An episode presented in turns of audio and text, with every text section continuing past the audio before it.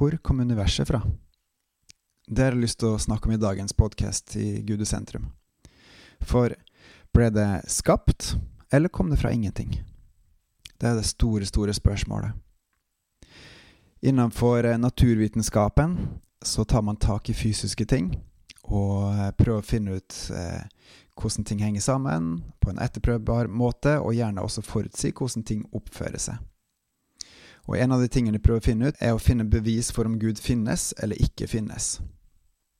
Og Samtidig så prøver de på noe umulig, fordi Gud han er ikke fysisk, han er fri, og dermed så kan man ikke prøve å finne ut om Gud eh, eksisterer eller ikke ut ifra det fysiske. Det er rett og slett en feil metode på å finne ut om Gud er eller ikke. For Gud han har jo skapt alt det fysiske, og han står utenfor ti rom og materie. Og materie, altså det fysiske. Så å prøve å bruke det fysiske for å finne ut hvem Gud er, går ikke fordi Gud har skapt det fysiske. Igjen, er universet skapt, eller har det kommet fra ingenting? Dersom det er skapt, så må det ha vært noe uskapt som har skapt det, noe som alltid har eksistert. Hvis det kommer fra ingenting, så, man, så kan man begynne å lure på eh, er det mulig at noe av, noe har kommet til ut av absolutt ingenting. Og Jo mer man tenker på det, og har forska på det, så har man egentlig funnet ut at man har ikke klart å skape noe ut ifra absolutt ingenting. Så det tyder på at det må ha vært noe som alltid har eksistert. Og da finnes det mange argumenter mot at det her som alltid har eksistert, er noe fysisk. Men heller uh, så tenker man da at det må ha vært noe ikke-fysisk som alltid har vært der. Og da snakker man gjerne om en bevissthet som en aktuell kandidat, en evig bevissthet. Eh, noe som bare alltid er der, eh, alltid har vært her, alltid vil være her. Og det er mange som tenker på dette som en gud. Og da er jo spørsmålet, et naturlig spørsmål etterpå, hvem i så fall eh, har skapt denne guden, som har eh, skapt universet? For ingenting kan komme ut av ingenting.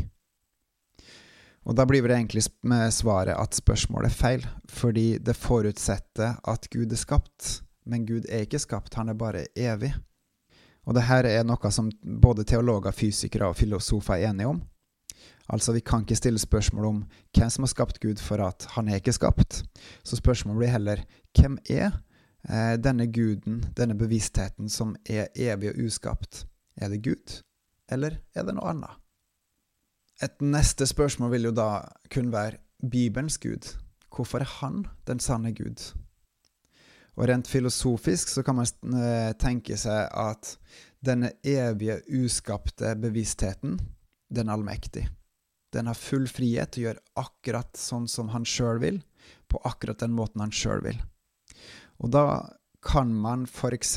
prøve å se etter bevis i historien. Finnes det en eller annen måte som Gud har manifestert seg, åpenbart seg, her på jorda? Og da vil du nok finne veldig mange forskjellige svar på det, for det er mange som har sagt de har kommet fra Gud, eller er Gud. Men finnes det noe eh, bekreftelse på at de virkelig er den her? Finnes det noe eh, rasjonell og fornuftig måte eh, å finne ut om Gud virkelig har åpenbart seg for oss her på jorda? Og da vil jeg påstå at den mest åpenbare kandidaten, det er Jesus. For han kom som et menneske og levde på jorda som et menneske, og ble korsfesta og død på et kors. Og så sto han opp på den tredje dagen. Og det skal ikke være fysisk mulig.